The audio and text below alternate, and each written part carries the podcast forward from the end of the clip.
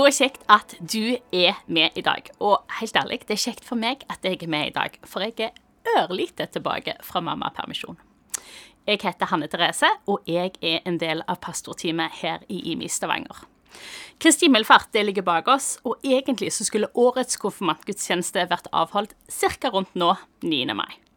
Vi har 49 konfirmanter her i IMI i år, men deres festgudstjeneste blir 3. oktober. Likevel har vi vært så heldige å få et ørlite glimt av en av årets konfirmanter som sier noe om hva dette året har vært for han. Snørrfilm. Hei! Hallo. Kjekt å se deg. Eller jeg er jo hjemme hos deg, da. Du, dette er Samuel. Eh, jeg er konfirmant i IMI. Eh, en av 49 konfirmanter. Og Ja, det er jeg så glad for. at Du. ja. Vet du Ja, unnskyld. Det er jeg glad for at jeg er òg. Sånn. Ja, så bra å høre. Og du, eh, jeg tenkte at de måtte få møtt en av de 40 Ja, ja. sant? Resten av gjengen. Men du, eh, hvorfor ble du konfirmant i IMI? Um, først og fremst hadde jeg hørt veldig mye bra om IMI. Eh, det var masse bra rykter, og så andre hadde gått av at de var, var knallfornøyd med det. Ja, egentlig. Og så hadde jeg òg lyst til å bli kjent med flere folk.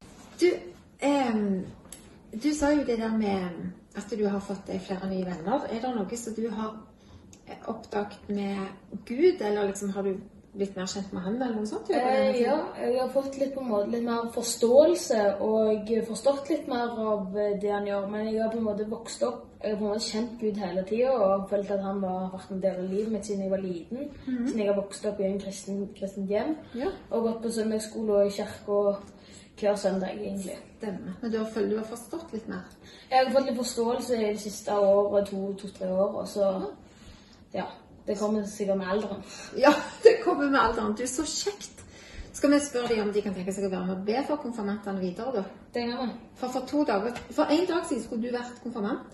Stemmer. 9. mai. Ja, du Da sa til jeg- Ja, 3. unnskyld. oktober. 3. oktober. Så be. Takk. Ha det. Det er så nydelig å høre. Vi ber for konfirmantene sammen. Gode Gud, takk for at du kjenner og elsker hver enkelt av de 49 konfirmantene våre. Vi ber om din rike velsignelse over dem, at de stadig skal få kjenne deg bedre, bli trygge i alt det gode du har lagt ned i dem, og alt det gode du har for dem. Amen. Så det ligger fest bak oss, men jammen ligger det fest foran oss òg. Og jeg nevner fire høydere i dag. 18. mai er det endelig bønn og lovsang igjen. Det starter klokka sju, men meld deg på på check-in. Du finner òg info om det på nettsidene til IMI. Vi går òg i gang med gudstjenester for unge voksne klokka fem de tre siste søndagene i mai. Vi skal ivareta godt smittevern og ønske de første 100 hjertelig velkommen. Påmelding på våre nettsider der òg. Og til helga så feirer vi pinse, og vi feirer med livestreaming av gudstjeneste mandag andre pinsedag klokka seks. Ikke gå glipp av det, det blir fest og baluba, men NBNB, pga. rettigheter så kan ikke opptaket ses i etterkant, så her er det lurt å slå på alarmen på mobilen, så du får det med deg. Klokka seks der, altså. Festen fortsetter 31. mai, for da braker årets godhetsuke i gang. Og vi gleder oss til å overraske mennesker i Stavanger og omegn, egentlig over hele Norge, med Guds godhet. Hundrevis av mennesker, i hovedsak organisert gjennom huskirkene, de er klare for å være med. Og så vil vi jo så klart veldig gjerne at du skal være med om du ikke er en del av huskirkene òg. Da melder du deg på på godhetsstavanger.no, og her kan òg oppdrag meldes inn så blir det ingen tradisjonell godhetsfest i år, men det blir en forrykende bilrebus.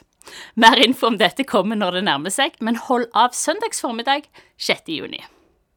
Og når vi snakker om fest og feiring, vi har så mye å takke for, og dagens takkesjef, det er selveste Martin. Da er det for meg en stor glede å invitere dere til å være med på dagens takkegave. Vi har gleden av å være involvert mange steder i denne verden som menighet, og et av de stedene er ved Mekongelva i Thailand. Der er det et tre, et gedigent tre, tidligere et sted hvor de ofra.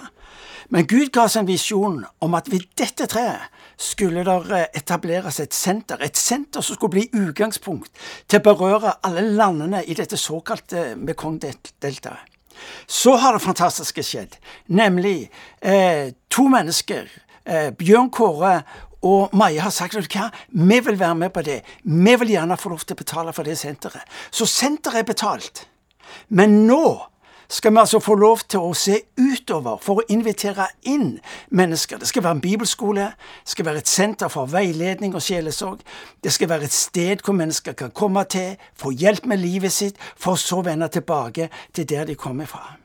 Dette stedet, denne plassen, med Kong, en av de største elvene i verden, den berører Laos, det berører Kambodsja, det berører Myanmar. Og bare tre timer med kjøring med bil, så er du i Vietnam og inn i Kina. Det er et strategisk senter helt uten like.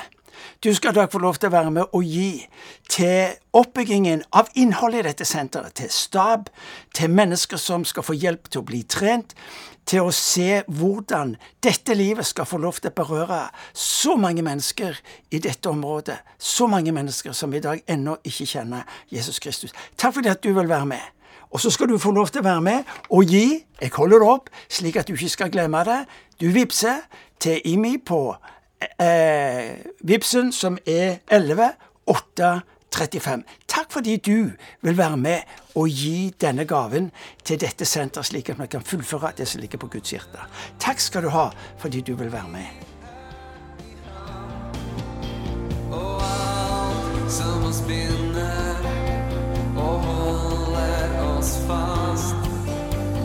Er Jesus Kristus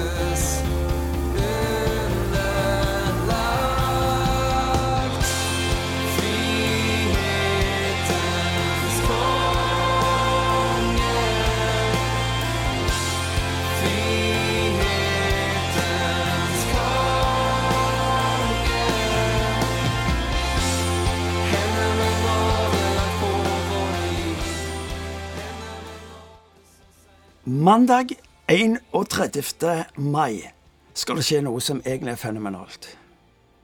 For mange år siden så ga Gud oss en visjon om å berøre denne verden med noe som på den ene sida syntes å være ubetydelig, og på den andre sida kanskje er noe av det mest kraftfulle vi kan tenke oss. Det som vokste fram hos oss, det var at vi ønska å sjokkere denne byen, landet vårt, med godhet. Og siden har det rulla på. Dette er en 12-15 år siden. Og siden har det rulla på. Og så har vi bare fått lov til å se hvordan hundrevis, ja tusenvis av mennesker blitt berørt av denne godheten som vi kjente oss tilskynda til å dra i gang med.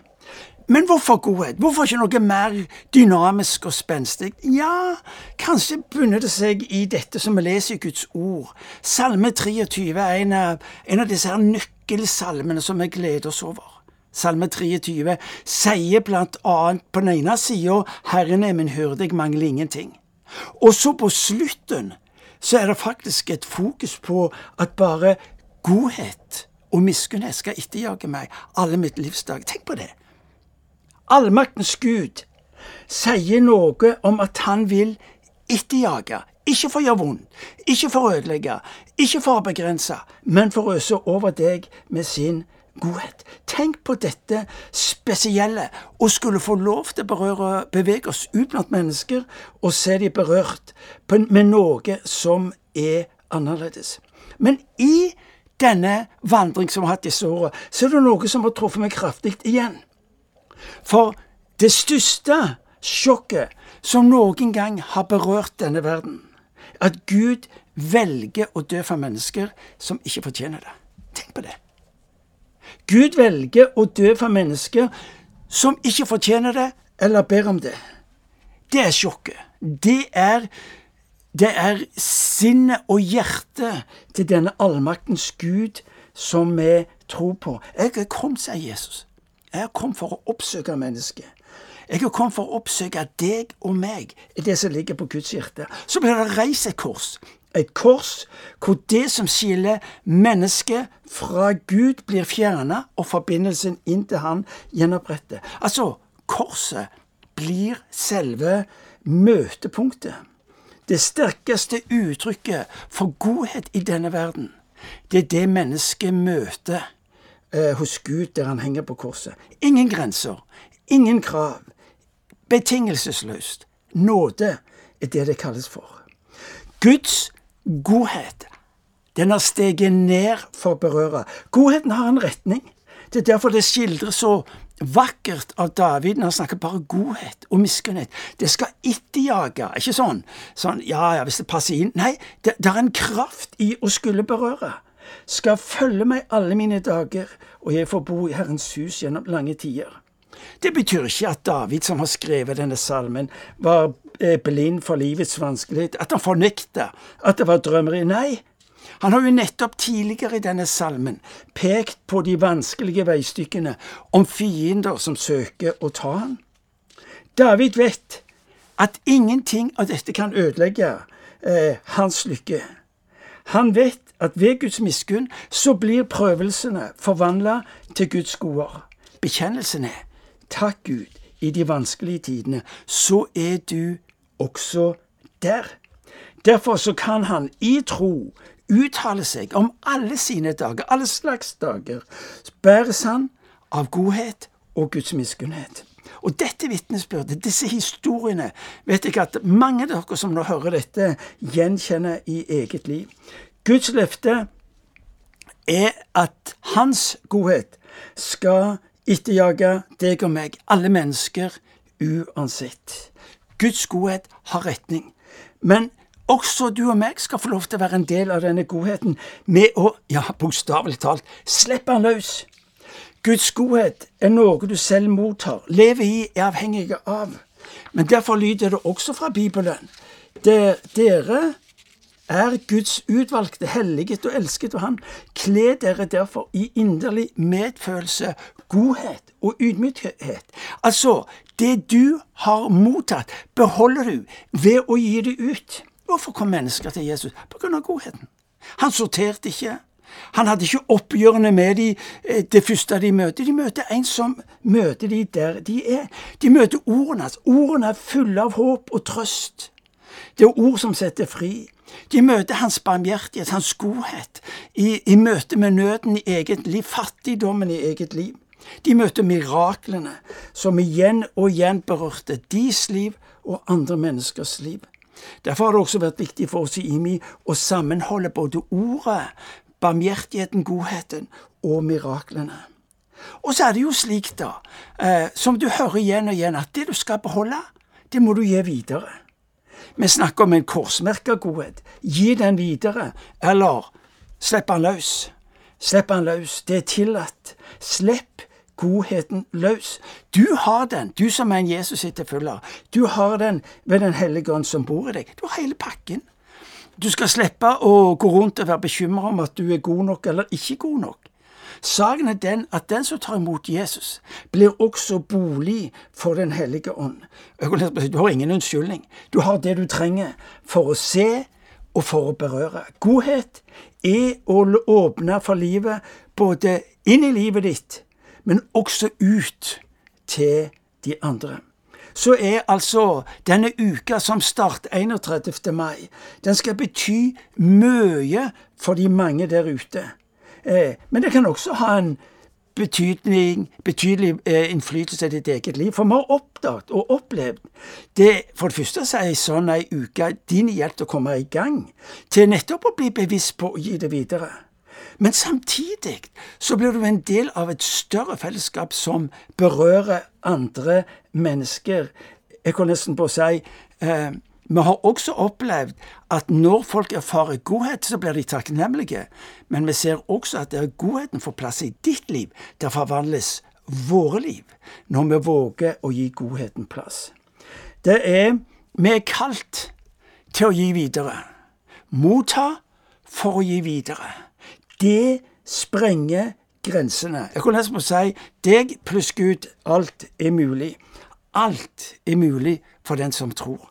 Og så er det jo ikke bare slik at uh, du ser på det lille, og så tenker du om dette er ubetydelig. Nei, alt det Guds rike har en tendens til å starte i det lille. For gjennom det å få lov til å vokse og berøre, og så får vi øye på den livskraft og den livsutfoldelse som ligger i det du og meg vågte å handle på. Denne uka, hva er det egentlig vi snakker om? Vi snakker om å legge til rette. Når du og meg våger å gi ut, våger å berøre mennesker med god, så, så er det nesten som om noe legges til rette. Ikke fordi at du skal på et vis få et rykte at du er spesielt from, og at denne menigheten er spesielt god. Nei, det er ikke poenget. Men når du og meg våger å handle i godhet, godhet mot mennesker, ja, da er det noe som skjer. I Johannes evangeliet kapittel 2 så leser vi om eh, eh, Maria og Jesus. Maria, Jesu mor, og Jesus og disiplene var på besøk i et bryllup. De, de mangla, viste det seg på slutten, de mangla vin. De hadde ikke nok. Og så er det nesten slik at eh, du og meg må ta pause, så må vi tenke ja, var nå det så viktig da? Når vi skal vise godhet, så må det jo være veldig seriøst, og det må være veldig livstrengende. Ja, saken er jo den at i eh, denne hendelsen som du leser i evangeliet, ja, så leser du altså om en Jesus som, som handler, fordi at han ser at det er et behov. Guds godhet møter behov uansett eh, hvordan det skulle være, eller hvordan det skulle se ut. Og så vet du, noen av dere kjenner beretningen, at eh, Mor til Jesus kommer til Jesus og sier du, de har ikke mer å drikke. Hvorfor hun kom til Jesus er jo egentlig litt rart. Fordi at det står at dette var det første under som Jesus gjorde. Eh, og noen har jo lurt på om det var fordi at Jesus hadde trent hjemme. At hun kom til han og sa Jesus du må hjelpe dem for de mangler vin. Eh, jeg vet ikke. Men det er jo for så vidt en grei tolkning det òg, da. Men hva er det som skjer? Eh, Maria legger til rette for. Hun går til Jesus og sier Jesus de trenger hjelp. Og inn i det er det at Jesus demonstrerer hvem han er. Og så kjenner du underet, og så skal det få lov til å være en oppmuntring til deg og meg. Du og meg ville vel kanskje ha tenkt ja, de hadde vel drukket nok? Nei. Jesus ser behovet, og så gir han overfor Guds rike natur, og derfor blir godhet også viktig for oss. Det er et overflodsprosjekt, eh, fordi at du og meg skal få se hvem han også er så skal du og meg, når vi ser fram til å være med når huskjerker, andre skal få lov til å være med på denne uka, hva er det vi gjør for noe? Vi gjør to ting. Vi legger til rette for underet. Du husker Maria som gikk til Jesus. Legger til rette for underet. Men det er også to. Det er å etterjage mennesker med godhet. Guds korsmerka godhet. Personlig tror jeg, ut ifra Guds ord, at det er et dypt og ubevisst urrop i mennesket, som er formulert hos salmisten i Salme 85 vers 8. La oss få se din godhet, Gud, og gi oss din frelse. Det er et rop om godhet der ute. Folk er ikke bevisst på det, men det er et rop etter godhet. Og så er spørsmålet til deg og meg, vil du være med og legge til rette for dette underet? Sjokkere mennesker med godhet. La de erfare at Gud er ikke den som jager etter dem for å ta dem, men for å omfavne dem. Det er det godhet egentlig uttrykker. Takk fordi du vil være med. Og så skal du få lov til, eh, i samtalen etterpå, vær så personlig på spørsmålet og svar. Hva betyr godhet for deg? Hva betyr godhet for deg? Det andre spørsmålet er hvordan kan du ta et nytt steg i godhet overfor andre? La oss be. Herre Jesus Kristus, vi takker deg fordi du kom til vår jord, demonstrerte ved daglig å gå rundt og gjøre godhet mot mennesker som du møtte, uansett hvor de var, hvem de var. For vi ber for hverandre, la oss få lov til å være mennesker som er bærere av din godhet. La oss få lov til å være mennesker som er oppsøkende, Herre, som øser bokstavelig talt din godhet over alle som vi treffer på vår vei. Og så ber vi her for denne uka som ligger foran oss. Denne godhetsuka. Vi ber om at det skal være dager, Herre, hvor mennesker våger å tro at din godhet er tilgjengelig, og at den betyr en forskjell i deres liv. Jesus, vi takker deg og ber i ditt navn. Amen. Takk for nydelige ord og sannheter. Her er det mange sannheter å grunne på i dagene og ukene som ligger foran og legge til rette for underet og ta imot for å gi videre. Jeg gleder meg til å se hva disse spørsmålene skal få lov til å bety når dere tar de videre. Vi avslutter gudstjenesten i dag med å ta imot Herrens velsignelse. Herren velsigne deg og bevare deg. Herren la sitt ansikt lyse over deg og være deg nådig. Herren løfter sitt ansikt mot deg og gir deg sin fred. Amen. Ha ei velsigna uke.